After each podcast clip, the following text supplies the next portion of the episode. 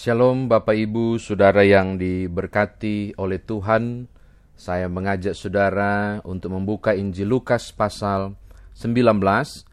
Injil Lukas pasal 19 ayat 1 hingga ayatnya yang ke-10. Lukas 19 ayat 1 hingga 10 sebelum membacanya mari berdoa. Kami mau mendengarkan firman-Mu, ya Tuhan, tolonglah kami agar kami boleh memahami dan mengerti, lalu mengerjakan firman Tuhan ini. Demi Tuhan Yesus Juru Selamat kami berdoa.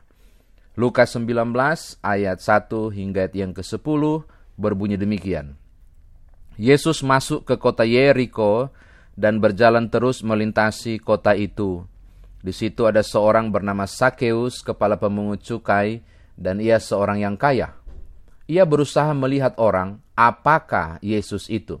Tetapi ia tidak berhasil karena orang banyak, sebab badannya pendek. Maka berlarilah ia mendahului orang banyak, lalu memanjat pohon arah untuk melihat Yesus yang akan lewat di situ. Ketika Yesus sampai ke tempat itu, ia melihat ke atas dan berkata, Sakeus, segeralah turun, sebab hari ini aku harus menumpang di rumahmu. Lalu Sakeus segera turun dan menerima Yesus dengan sukacita. Tetapi semua orang yang melihat hal itu bersungut-sungut katanya, ia menumpang di rumah orang berdosa. Tetapi Sakeus berdiri dan berkata kepada Tuhan, Tuhan, setengah dari milikku akan kuberikan kepada orang miskin. Dan sekiranya ada sesuatu yang kuperas dari seseorang, akan kukembalikan empat kali lipat. Kata Yesus kepadanya, hari ini telah terjadi keselamatan kepada rumah ini. Karena orang ini pun anak Abraham. Sebab anak manusia datang untuk mencari dan menyelamatkan yang hilang. Demikian firman Tuhan, saudara saya dikatakan berbahagia jika mendengarkan firman Tuhan ini, merenungkannya, memberitakannya, istimewa melakukan dalam kehidupan beriman kita.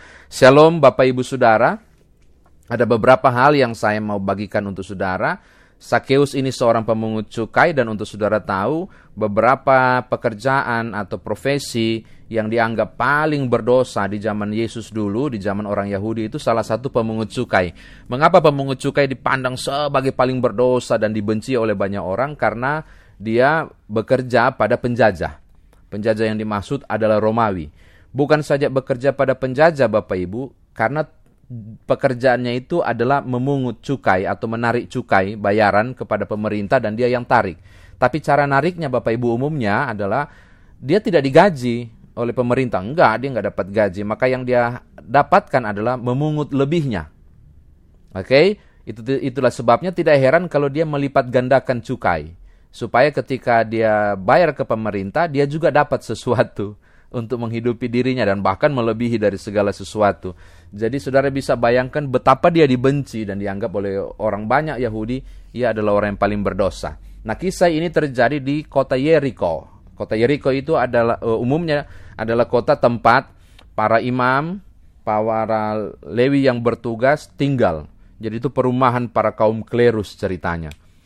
Tidak tahu kenapa mengapa ada Sakeus si pemungut cukai ada di situ dan yang menarik perhatian saya adalah ketika Ketika dia dengar ada Yesus, pertanyaan yang muncul pada ayat yang ketiga tolong dibaca. Ia berusaha untuk melihat orang, apakah Yesus itu? Tolong garis bawahi kata, apakah Yesus itu? Itu menggunakan kata benda, tidak siapakah Yesus itu. Saya sudah periksa di teks asli, ini menarik. Kenapa Lukas tidak tulis siapakah Yesus itu? Tetapi apakah Yesus itu? Barang apa dia itu? Jadi mendefinisikan Yesus dia duluan. Karena dengan berita yang luar biasa tentang dia. Ini siapa dia? Siapa dalam pengertian uh, ini makhluk makhluk manusia atau bukan? Karena dia menyebut apakah ini manusia atau bukan. Jadi eksistensi Yesus dia mau cari tahu. Kalau dengar-dengar tentang Yesus dia sudah tahu, tapi untuk mengenal dia lebih jauh dia harus cari tahu. Makanya menggunakan apakah Yesus itu lebih tajam dan lebih dalam dari sekedar siapakah Yesus. Apakah ini mau menunjuk pada blank, dia buta sama sekali tentang siapa Yesus. Oke, okay? ini catatan saya yang pertama. Dia tidak tahu sama sekali tentang Yesus.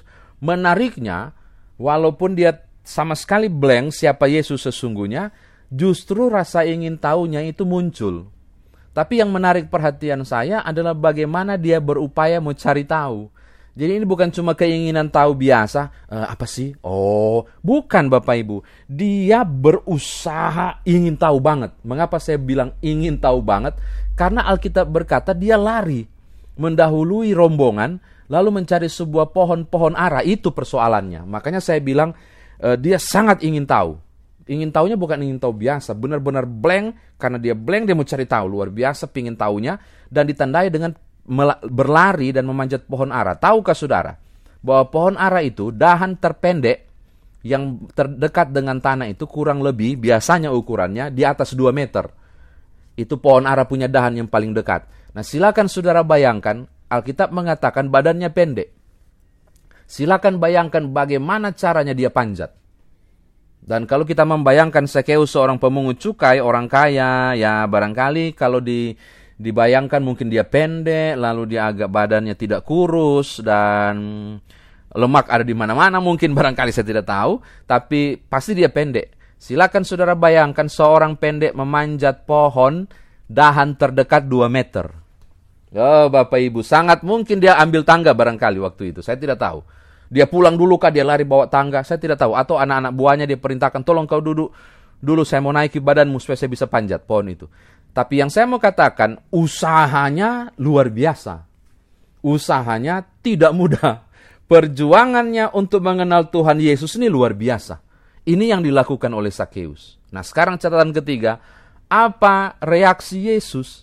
Bapak Ibu, apa yang engkau usahakan dengan sungguh-sungguh tidak akan diabaikan oleh alamu. Itu barangkali yang terjadi. Pas Yesus tiba di bawah pohon ara, dia berhenti dan langsung menengok ke atas dan mengatakan, Sakeus, turunlah. Wow, ini menarik. Dari semua orang yang ada berkerumun di sekitar itu, dari semua orang yang barangkali berharap dapat mujizat dari Yesus di sekitar itu, dari semua orang itu Yesus abaikan satu yang dia fokus, Eh, Bapak Ibu. Dia melihat Sakeus. Kenapa dia lihat Sakeus? Saya kira Sakeus berdosa kok. Saya mau bilang, usahanya untuk mencari tahu Allah. Kerinduannya untuk mengenal siapa Allah, siapa Yesus. Itu menjadi daya tarik untuk menengok ke atas dan mengatakan, Sakeus turunlah. Bukan saja turun, Bapak Ibu. Yesus melakukan sesuatu yang parah, melanggar tradisi. Seharusnya orang pemungut cukai yang sangat berdosa ini seorang rabi mesti jauhi, janganlah bergaul, jauhi itu, janganlah. Janganlah. Tetapi dia bilang, aku mau menumpang di rumahmu. Eh, aku mau menumpang di rumahmu. Jadi bukan cuma pergi makan, numpang Bapak Ibu. Saya akan mengatakan sesuatu yang penting ini kepada saudara. Siapa yang tidak tergerak? Dari blank, tidak kenal sama sekali. Lalu gaya pastoralnya Tuhan Yesus luar biasa Kau ini sudah pendosa, kurang ajar, masuk neraka. Bukan Bapak Ibu. Tapi justru sebaliknya. Sakeus, turunlah. Aku mau menumpang di rumahmu. Yesus tidak bicara tentang dosanya. Tapi Yesus sedang menunjukkan rasa kasihnya yang luar biasa kepada si pendosa ini. Dan siapa yang tidak mau bertekuk lutut, tersentuh hati dan mau bertobat. Saya mau katakan ini hal yang penting.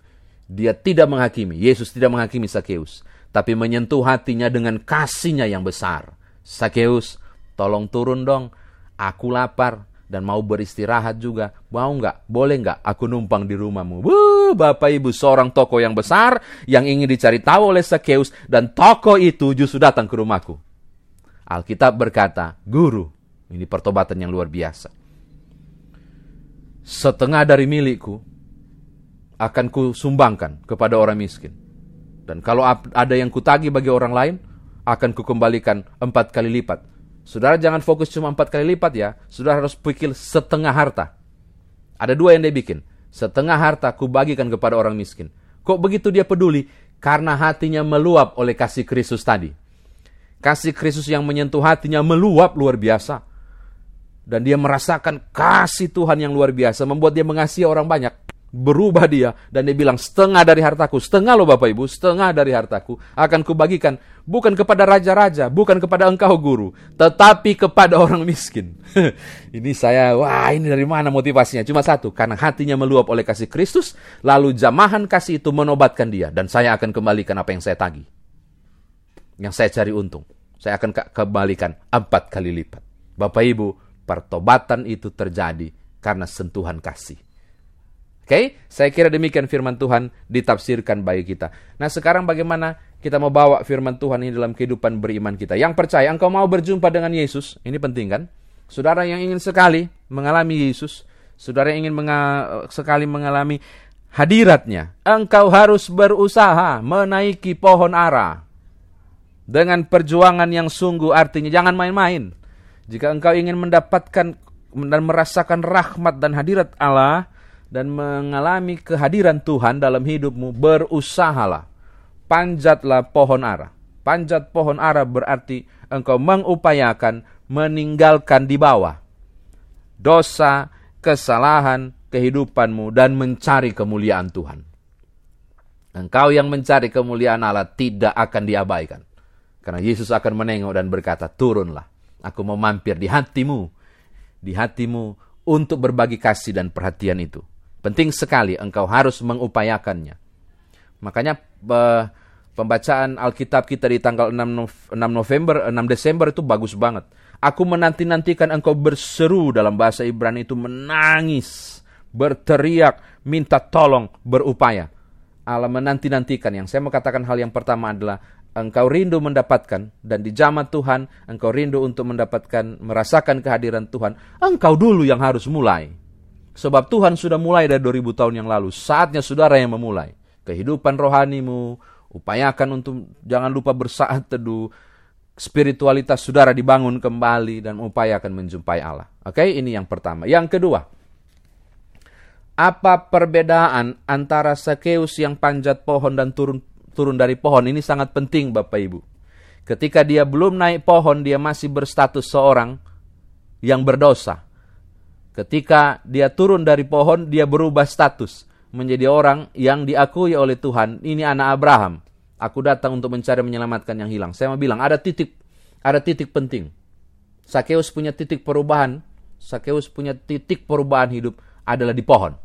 Ketika dia panjat pohon, dia manusia lama. Ketika dia turun pohon, dia manusia baru. Di mana titik perubahan, saudara? Eh, harus ada. Jangan bikin grafik naik turun naik turun. Sekali engkau naik naik ketika sekali satu kali Sakeus naik naik di atas pohon itu dia dia berniat berubah dan ketika dia turun dia berubah total. Satu grafik puncaknya ada di atas pohon. Banyak orang yang mengalami pertobatan turun pohon. Tapi banyak orang juga naik lagi pohonnya. Dan turun lagi, naik turun lagi. Apa artinya? Banyak orang yang mengalami pertobatan tapi juga jatuh kembali dalam dosa.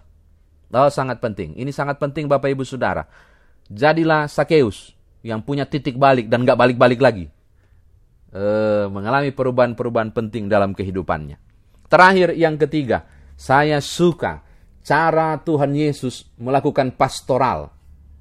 Ketika melayani seorang yang berdosa itu. Dia tidak bicara soal kesalahannya. Dia tidak bicara soal dosanya. Dia tidak ungkit tentang masa lalu Sakeus tapi dia menyentuh Sakeus dengan kasihnya. Seakan dia butuh Sakeus, bukan Sakeus yang butuh dia. Sakeus turun dong. Aku mau mampir ke rumahmu, aku mau menginap, aku lapar, tolong sajikan. Saudara penting sekali.